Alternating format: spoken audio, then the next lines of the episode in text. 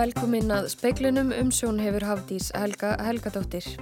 Forsættisráð þeirra segir að niðurstaða umbóðsmanns alþingis um samráðsleysi við rafvopna væðingu lögreglunar hafi ekki áhrif á stöðu dómsmálar á þeirra en er enn þeirrar skoðunar að málið hefði átt að vera rætt í ríkistjórn áður en það var eh, lögfest. Íslensk erðagreining braut ekki personuvendarlög í rannsókn á koronaveirunni. Hérastómur gaggrínir personuvend fyrir að hafa ekki rannsakað málið nægilega. Pólverjar verða fyrstir þjóða til að senda herþótur til Úgrænu. Framlægið kemur eftir að fórseti Úgrænu óskaði eftir aukinni aðstóð frá Vesturlöndum. Hérastómur Reykjavíkur hafnaði í dag kröfu örnum að kljúr yfir lögfræðings samherja um að fella rannsókn á hendur henni niður. Virkjanastopp blasir við á Íslandi en sveitarfélug hafa eitt af öðru ákveðið að hætta skipulagsvinnu við nýjar virkjanir. Sveitarstjóri segir að ávinningurinn skilir sér ekki til nærsamfélagsins. Ísland sker sig úr þegar að litið er til Norðurlanda í nýri skýrslu OECD um áhrif heimsfaraldursins á vinnumarkaði. Hér á landi varð krísan krappari og varði lengur. Katrín Jakobsdóttir, fósætisráð þeirra, segir að niðurstaða umbóðsmanns alþingis um samráðsleysi við rafofna væðingu lögreglunar hafi ekki áhrif á stöðu Jóns Gunnarssonar tómsmálar á þeirra. Hún er þó eftir sem áður á þeirri skoðun að málið hefði átt að ræða fyrst í ríkistjórn. Umbóðsmaður kemur með ábyrtingar til mín og fórsættisráðnetis um það að það þurfi mögulega að móta skýrari reglur um starfsætti ríkistjónar eða endur skoða síðarreglur til þess að forða því að svona mál kom upp. En þú hefðir viljað að málið hefði verið rætt betur á grundvelli ríkistjórnarinn áður en að reglugerðin var undirrituð? Ég hefði talið það rétt og ég hef ekki skipt um skoðan á því að mér finnst þetta að vera stefnu breyting. Eh, Dómsmálar á þar var ósamála því mati og í sjálfu sér þarf það kannski ekki að koma óvart þegar maður er með samstipustjórn, ólíkar á flokka, að það séu ólíkar skoðanir millir flokka og einstaklinga á þessu mati og þá er það tillega umbósmanns að það þurfi þá að skýra það betur hvena málin eigi heima á borði ríkistjórnar. Stjórnarnanstæðan talar um trúnaðar brest innan ríkistjórnarinnar, eh, tekur þú undir það? Nei, ég get nú ekki sagt það því öll þessi samskipti kringum þetta mál hafa verið algjörlega heðaleg og, og við höfum einfallega verið ósamála um þetta mat. Hefur þetta eitthvað áhrif á stöðu dómsmálar á þeirra? Þetta verið ekki áhrif á stöðu dómsmálar á þeirra. En tröst til hans? Það er alveg óbreytt. Sæði Katrín Jakobsdóttir, Alma Ómarsdóttir talaði við hana. Hérastómur Reykjavíkur feldi í dag úr gildi ákverðun personuvendar um að vinsla íslenskrar erðagreiningar á personu upplýsingum í tengslum við rannsókn á koronaveirunni samrýmdist ekki lögum um personuvend. Í dómnum er því áliti personuvendar hafnað að rannsóknin hafi verið á mönnum, um rannsókn á gögnum hafi verið að ræða. Þá er personuvend gaggrind fyrir að hafa ekki rannsakað málið nægilega. Í upphafi koronaviru faraldur sem sömdu sótvarnarlegnir og landlegnir við íslenska erðagreiningu um aðstóð við að greina veiruna. Jáframt sóttu landsbítalinn sótvarnarlegnir og landlegnir um leifi vísinda síðanemdar til að gera rannsókn á COVID. Leifið var eitt samdagus. Nokkrum dögum síðar sótti íslensk erðagreiningum leifi til að gera viðbóta rannsókn á blóðsínum úr COVID sjúklingum. Vísinda síðanemd veitti leifið. Persónavend komst að þeirri niðurstu í nógumber 2021 að íslenskri erðagreiningu hefði ekki verið heimilt að láta taka blóð sín í dagana 3. til 7. april 2020 af því að þá hefði ekki verið komið leifi frá vísindarsíðanemnd. Og þetta er ástæða málarekstrar íslenska erðagreiningar á hendur persónavend og landsbítela. Hún telur ákvörðun persónavend ranga. Rannsóknar viðbútin sem íslenska erðagreining hafi gert hafi verið rannsókn á gögnum sem spítalan hafi aflað en ekki rannsókn á mönnum. Í niðurstöðu hérastóm segir að það verð ekki fallist á það með persónuvend að viðbúta rannsókn íslenska erðagreiningar hafi verið rannsókn á mönnum. Megin forsendan sem persónuvend byggja ákvörðun sína á sé því rung. Ákvörðun persónuvendar er því feldur gildi og persónuvend og landsbítila gert að greiða íslenska erðagreiningu 2 miljónu króna í málskostnað. Ástráður Haraldsson hérastómari hvað upp úrskurðin. Kristín Sigurðardóttir sagði frá. Nánar má lesa um dómin á vefnum okkar rúf.is. Pólverjar verða fyrstir þjóða til að senda herþótur til Úkrænu en áætlað er að afhenda fjórar þótur á næstu dögum. Bandaríkjaman higgjast þó ekki gera slíktið sama. Volodymyr Selenski, Úkrænuforseti, hefur lagt mikla áherslu á mikilvægi þess að fá vopn frá Vesturlöndum. Nýlega óskaði hann eftir herþóttum frá leðtogum Evrópusambandsins en þeir hafa svarað að ákverðunum slíka aðstóð er þið tekin í sameiningu. Selenski hefur sagt að samningar liggi fyrir og séu jákvæðir. Þeir hafa þó ekki verið gerðir ofinberir en má ætla að einn þeirra hafi verið við Póland. Vélarnar sem pólverjar senda eru af gerðinni MIG og eru herþóttur frá tímum Sovjetríkjana sem ukrænskir hermenn hafa hlotið þjálfun á. Fórseti Póland segir að fjórar þeirra verði aðfendar á næstu dögum en fleiri fylgi í framtíðinni. Ríkistjórnir annara ríkja Allandshafsbandalagsins í huga einnig að senda slíkar vélar en ríkistjórn Ukrænu hefur beði Vesturlund um þotur af nýri gerðum líkt á F-16.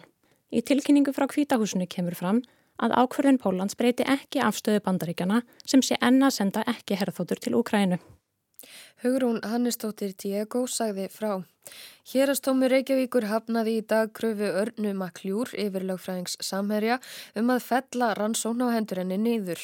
Arna hefur haft réttarstöðu sagbórnings vegna rannsónar á meintum mútugreislum samherja í Namibíu. Fjórar vikur eru síðan tekist var á um það fyrir hérastómi Reykjavíkur hvort Arna Makljúr ætti áfram að vera með stöðu sagbornings í samherjamálinu. Arna er ein af nýju með réttarstöðu sagbornings og hefur haft þá stöðu á þriðja ár. Hún leitaði því til domstóla til að fá rannsóknin á hendur sér felda niður.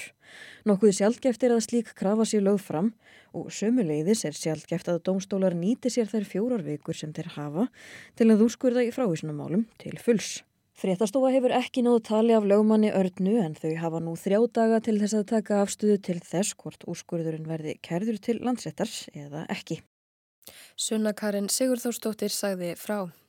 Virkjanastopp blasir við hér á landi nema sveitarfjölugum verði tryggðar auknar tekjur af virkjunum á þeirra landi. Þetta segir sveitarstjóri eins þeirra sveitarfjölaga sem hafa hægt að veita framkvæmda lifi fyrir nýjum virkjunum. Virkjunar áform landsvirkjunar eru mörg hver komin í uppnám eftir álíktun nýstofnaðara samtaka orkusveitarfélaga sem telli að sveitarfélög beri ekki nógur bítum. Sveitarstjórnir skeiða og gnúbverireps, húnabygðar og nú síðast ásarreps hafa í kjölfarið samþygt bókanir um að frekar í virkjana áform verði ekki samþygt miða við óbreytt laga um hverju. Þrátt fyrir að, að mest rafmagn á Íslandi hafa verið framleitt í okkar sveitarfélagi þá ber samfélagið engan ábota. Staðan eins og lítur út í dag er að við getum eiginlega sagt að það sé komið virkin að stopp á Íslandi. Segir Haraldur Þór Jónsson, sveitastjóri í Skeiða og Knúberi Reps. Hann bendir á að orkumannvirki séu til að mynda undan þegin lögum um fastegnaskatta ef frá eru talin stöðvarhúsin sjálf.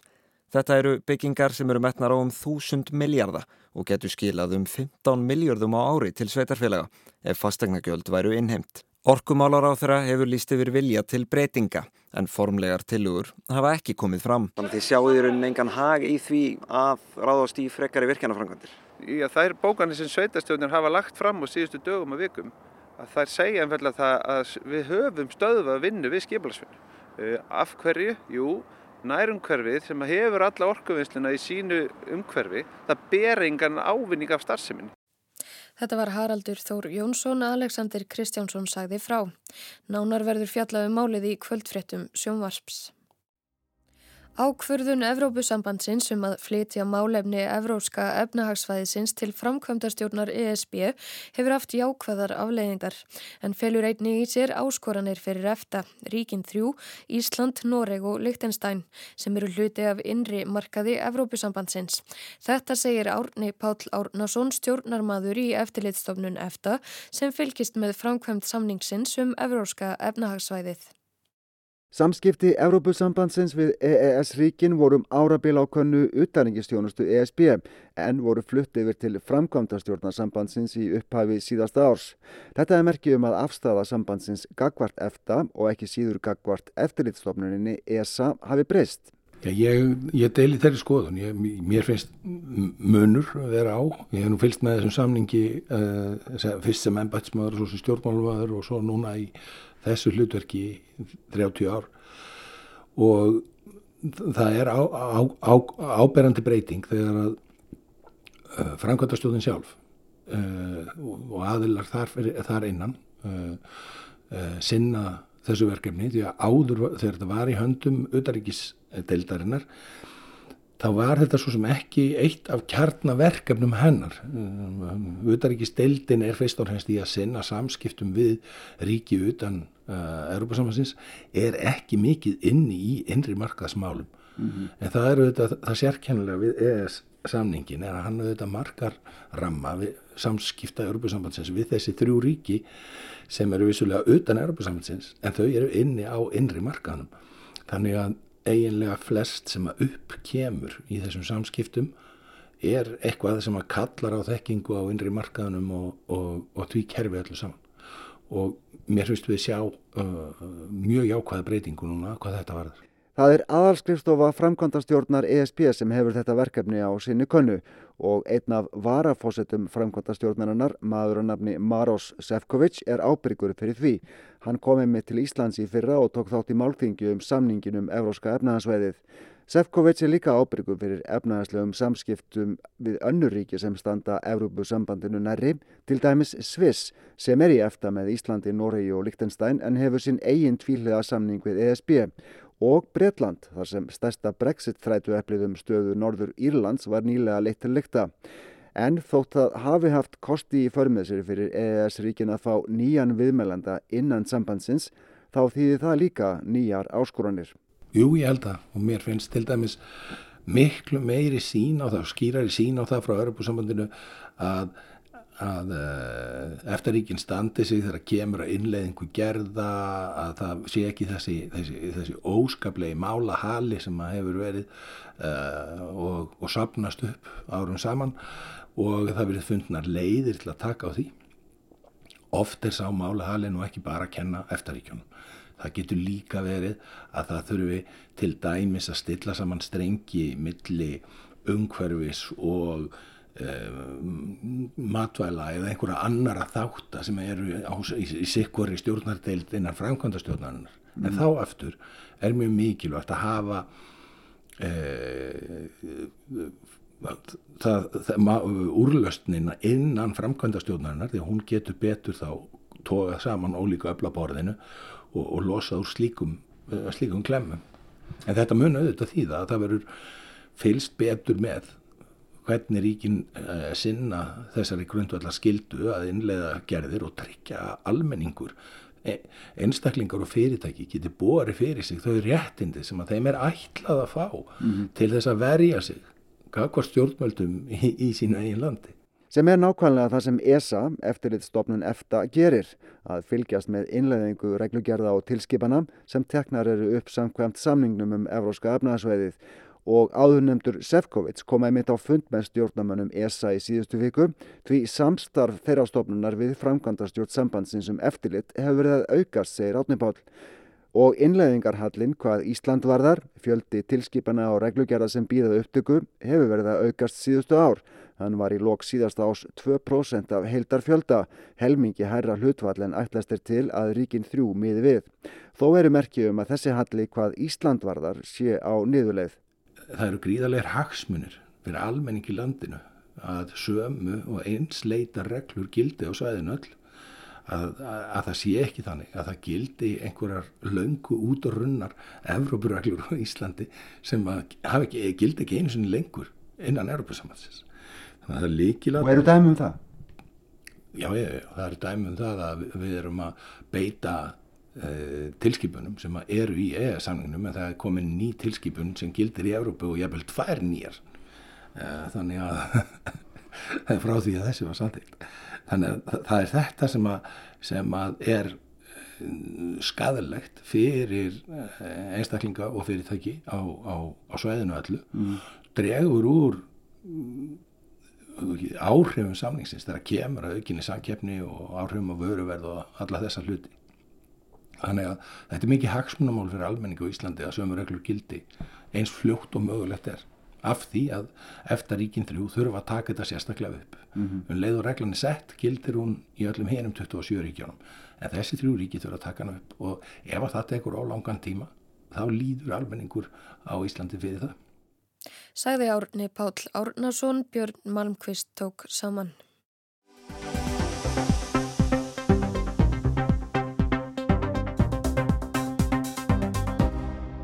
Eitt af því sem núverandi ríkistjórn hefur einhent sér er að ebla kordrakt í landinu.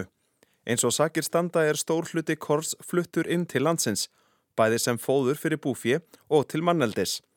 Árlega eru framleitt um 10.000 tonn af byggi hér á landi, sem að stærstum hluta fyrir dýrafóður heima á bæjunum.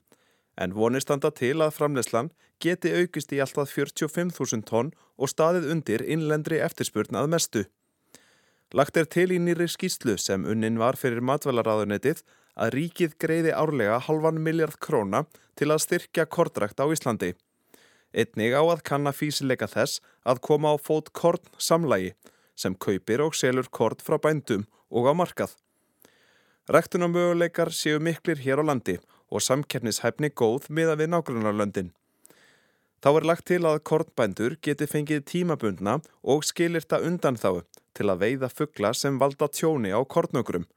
Einnig kemur fram það mat skýsluhöfunda að ætíð eigi að vera til byrðir af kornveru í landinu til 6 mánada. Aðgerrar áallun er lögð fram í skýslunni í 30 liðum. Helgi Eilifur Þorvaldsson, aðjungt og brautarstjóri búfræðibrautar Landbúnaðar Háskóla Íslands er eitt skýsluhöfunda. Það sem við leggjum ofur áherslu á er að við komum kynbótamálum á, á þessum plöntum í, í först fjárlög. Það er vonlust eiginlega að, að stunda kynbótastarf í svona samkjöndisjóða umhverfi. Það er eiginlega bara svolítið þess að reyka heilbreyðiskerfið í samkjöndisjóða umhverfi. Og svo náttúrulega leggjum við til hana stuðning sem að kannski vekur mesta aðtekli hvernig við teljum að það sé rétt að stuðja greinina þannig vaksi fiskunum rygg. En ég reikna með að, að það sé svona það sem vekir kannski mesta aðtegli og, og, og mögulega þessi öryggislagur sem er eitt kapli hvernig við tryggjum láma spyrðir af kottnur í landinu. Þegar maður hugsaður um Íslanda þá er þetta land mikill að veður öfga og svona hendar ekki kannski best til, til kortrættar en þér á öðru máli. Já og það er kannski bara mest bændum að þakka því það eru ákveðni bændur sem er búin að sína okkur það í fjölda ára að þetta er hægt. Uh, vissulega geta dunni hérna yfir áföll en það gleymist með umræðin að það gerist líka erlendis. Uh, ítrekkað uh, þegar erlendis eru bændur að díla við öðruvísi öfgar skordýrapláur hýta hýta hérna öfgarkendan hýta sem að veldur þurkum þannig að þetta er sko basler búskapur eiginlega alveg saman hvað úr býrð. En við teljum líka með kynbótum og, og bættum búskaparháttum sem við eigum rosalega mikið inni þá erum við alveg vissur um það að við getum komist á þann stað að, að rækta mjög gott korn, bæði korn þá erum við að tala um kveiti, bygg og havra en þetta er svona, þetta krefst þólinnmæði í, í svona tíu ár. Þessi skýsla mun ekki leiða til þess að það veri allt út í korni hér eftir eitt ár. En þetta er svona þólinnmæðisvinna en það er náttúrulega annar hlutir eiga sér stað í, í kynbótum til dæmi sem að valda því að þetta er, þetta er mjög físilegt og spennandi sko. Hvernig ætlaði að komast í áframstað að Ísland verði gott ræktunulandi í korni? Eh, Ísland er frábært rættunarland fyrir kott, rosalega frjósam mold sem við höfum hérna, þannig að það er kannski ekki aðtalið en við, við þurfum að gera það með kynbótum. Ef við erum ekki með sko, efni við fyrir bændur sem er hannaður fyrir íslenskar aðstæður, þá er þetta náttúrulega þingra. Eh, það er náttúrulega grunnur hérna frábæru kynbótastarfi fyrir fyrir, sem fyrirrunnar okkar í Landbúnaðarháskunum skildu eftir sig, Jóndan Hermansson og fleiri. Hins vegar er það starf allt staðnað því að þetta er ekki fjármagnar lengur. Eh, svo er að eiga sér stað þessi byltingakenda erðamengja úrvalstækni sem mun fleia kynbótum miklu hraðar og verður örugar og örugar með hverju árinu. Eh, það er svona snjóbolta áhrif sem eiga sér stað. En svo náttúrulega um leið og við förum að hugsa greinina sem sjálfstæða atvinnugrein og styrkjana sem slíka, þá sjáum við líka fyrir okkur að boltinn fara að rúla. Því að í dag er þetta alltaf hugsuð sem svona hlýðaratvinnugrein. Þetta er alltaf partur af samningum við aðrar búgreinar. Mm. Þetta er ekki hugsuð sem sér búgrein. Sko. Þið komum fram með hugmyndur um kortsamlög. Fyrir það fyrsta, hvað er kortsamlag? Kortsamlag er félag sem að kaupir korn af bændum þurkar og áframsilur bara eins og við þekkjum hjá sjölufélagi garðirkjumanna eða, eða auðþumlu sem er móðufélag uh, mjölkursamsölunar sem dæmi. Þetta er bara nákvæmlega sama konsept uh, uh, nema með korn og við höfum ekki slíkt samlag í dag og við leggjum til að að sagt, bændur fái þannig tauminn og, og stýri þessu, þessu ferli með þeim styrkjum sem við leggjum til að, að verði notaðir um framlýslu tengdur stuðningur til þess að koma upp þessum samlöfum því þá þarf náttúrulega ákveðnar eignir eða sérst fastegnir í það þurrstöðuvar og sílógeimslur mm -hmm. Og hverju myndi það breyta svona, við erum að flytja einn stóra hluta af okkar kortni í dag mm -hmm. ef að þessi kortsamlög ef, ef, þau, ef þeim eru komið á koppin, hverju myndu þau breyta? Þau myndu breyta því að bændur hefðu tryggan kaupanda. Í dag er það þannig ef að, ef að bóndi á umframmagn þá þarf hann að finna kaupanda sjálfur og þetta er kannski mjög lítið magn uh, og mér finnst kannski best að líka þessu við að það væri að bændur var að reyna að selja mjölk, mjölkina sína bara sjálfur beint til bónus eða uh, einhverja umframmjölk. Uh, þannig að ef að, ef að bónda, bóndi á 20 hektar eða 10 eða hvað það er þá getur hann sáð í það og hann hefur tryggan kaupanda af vörunni sem að væntalega myndi síðan hafa þessi áhrif að fleiri sjósir færi að fara inn í þessa grein. Þið sjáu ekki fyrir ykkur að þetta verði út um allt, þið viljið svona skilgreina svæðin betur? Já, sko við setjum svolítið pálmann í hendur bænda, þeir þurfa að koma sér saman um rekstur og, og til þess að e, fá mótframlega frá ríkinu þá þurfa þeir að koma með sitt framlega líka. En það er nú bara þannig að það hend ekki öll svæði fyrir kottrækt Það er náttúrulega, segir sér sjálft að Suðurlands undirlendi er væntalega ákjósanlegast svona við fyrstu sín. Það er mesta hítasuman er þar með við gögg frá höfustofunni og mesta fallendið þetta er næst markaði en við týnum samt til fleiri svæði. Svona, ef þú horfir 30-40 ár fram í tíman, hvert verður þú komið þá? Ef að þetta er allt framkvæmt, uh, þá væru við uh, farin að framlega til dæmis kveiti til manneldis hérna Eh, við værum sjálfum okkur nóg í byggi og höfrum alveg áræðanlega og ég hugsa, þú nefndi 30 ár, ég hugsa við værum uh, kannski ekki alveg búin að metta markaðin því kveitimarkaðin er svo stór sko. En uh, komin, uh, komin langt sko, hann er, hann er, hann er langstæstur sko og við hefum lang lengst í land þar, það hefur ekkert kynbóta starf átt í stað þar, við erum alltaf að nota plöntur sem eru ætlaðar öðru að hérna, en við værum komin mjög langt sko og, og klárlega farin að framlega vörur til manneldis sem er náttúrulega langtíma markmið og væri rosalega gaman að sjá. Sæði Helgi Eileifur Þorvaldsson Bjarni Rúnarsson rætti við hann.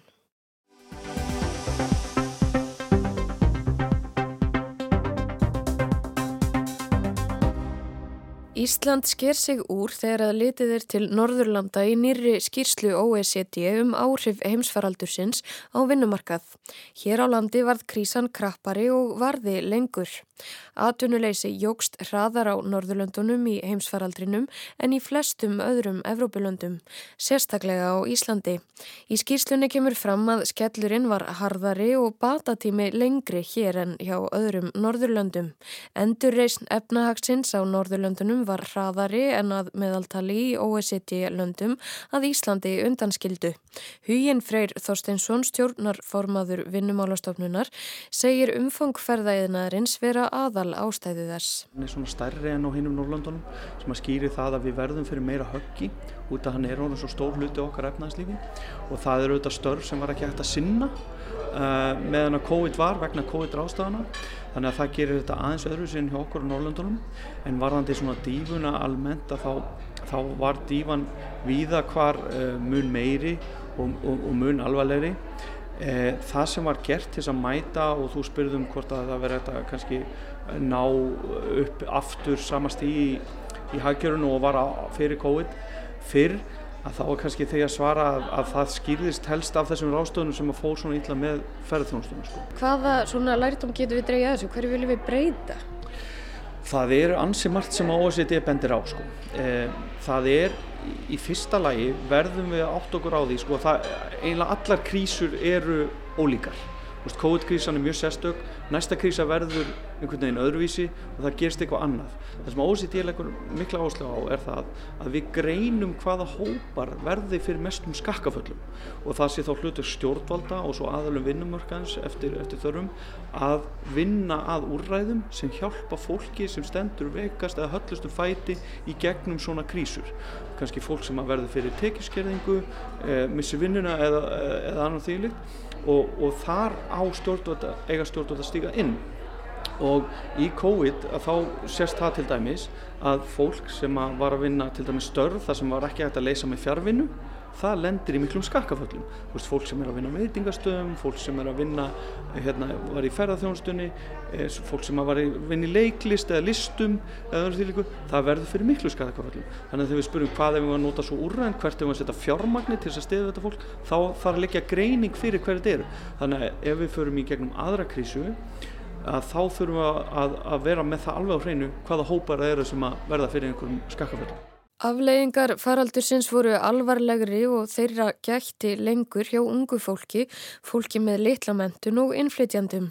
Ungt fólk náði sér þó hraðast á stryk hér á landi. Jáfnvel þó atvinnuleysi þess hóps hafi verið hæst hér á meðan faraldurinn geisaði. Fólk ánmentunar og sérþekkingar var hins vegar verst sett hér og í svíþjóð af öllum Norðurlandaþjóðunum og þó lengra sér litið.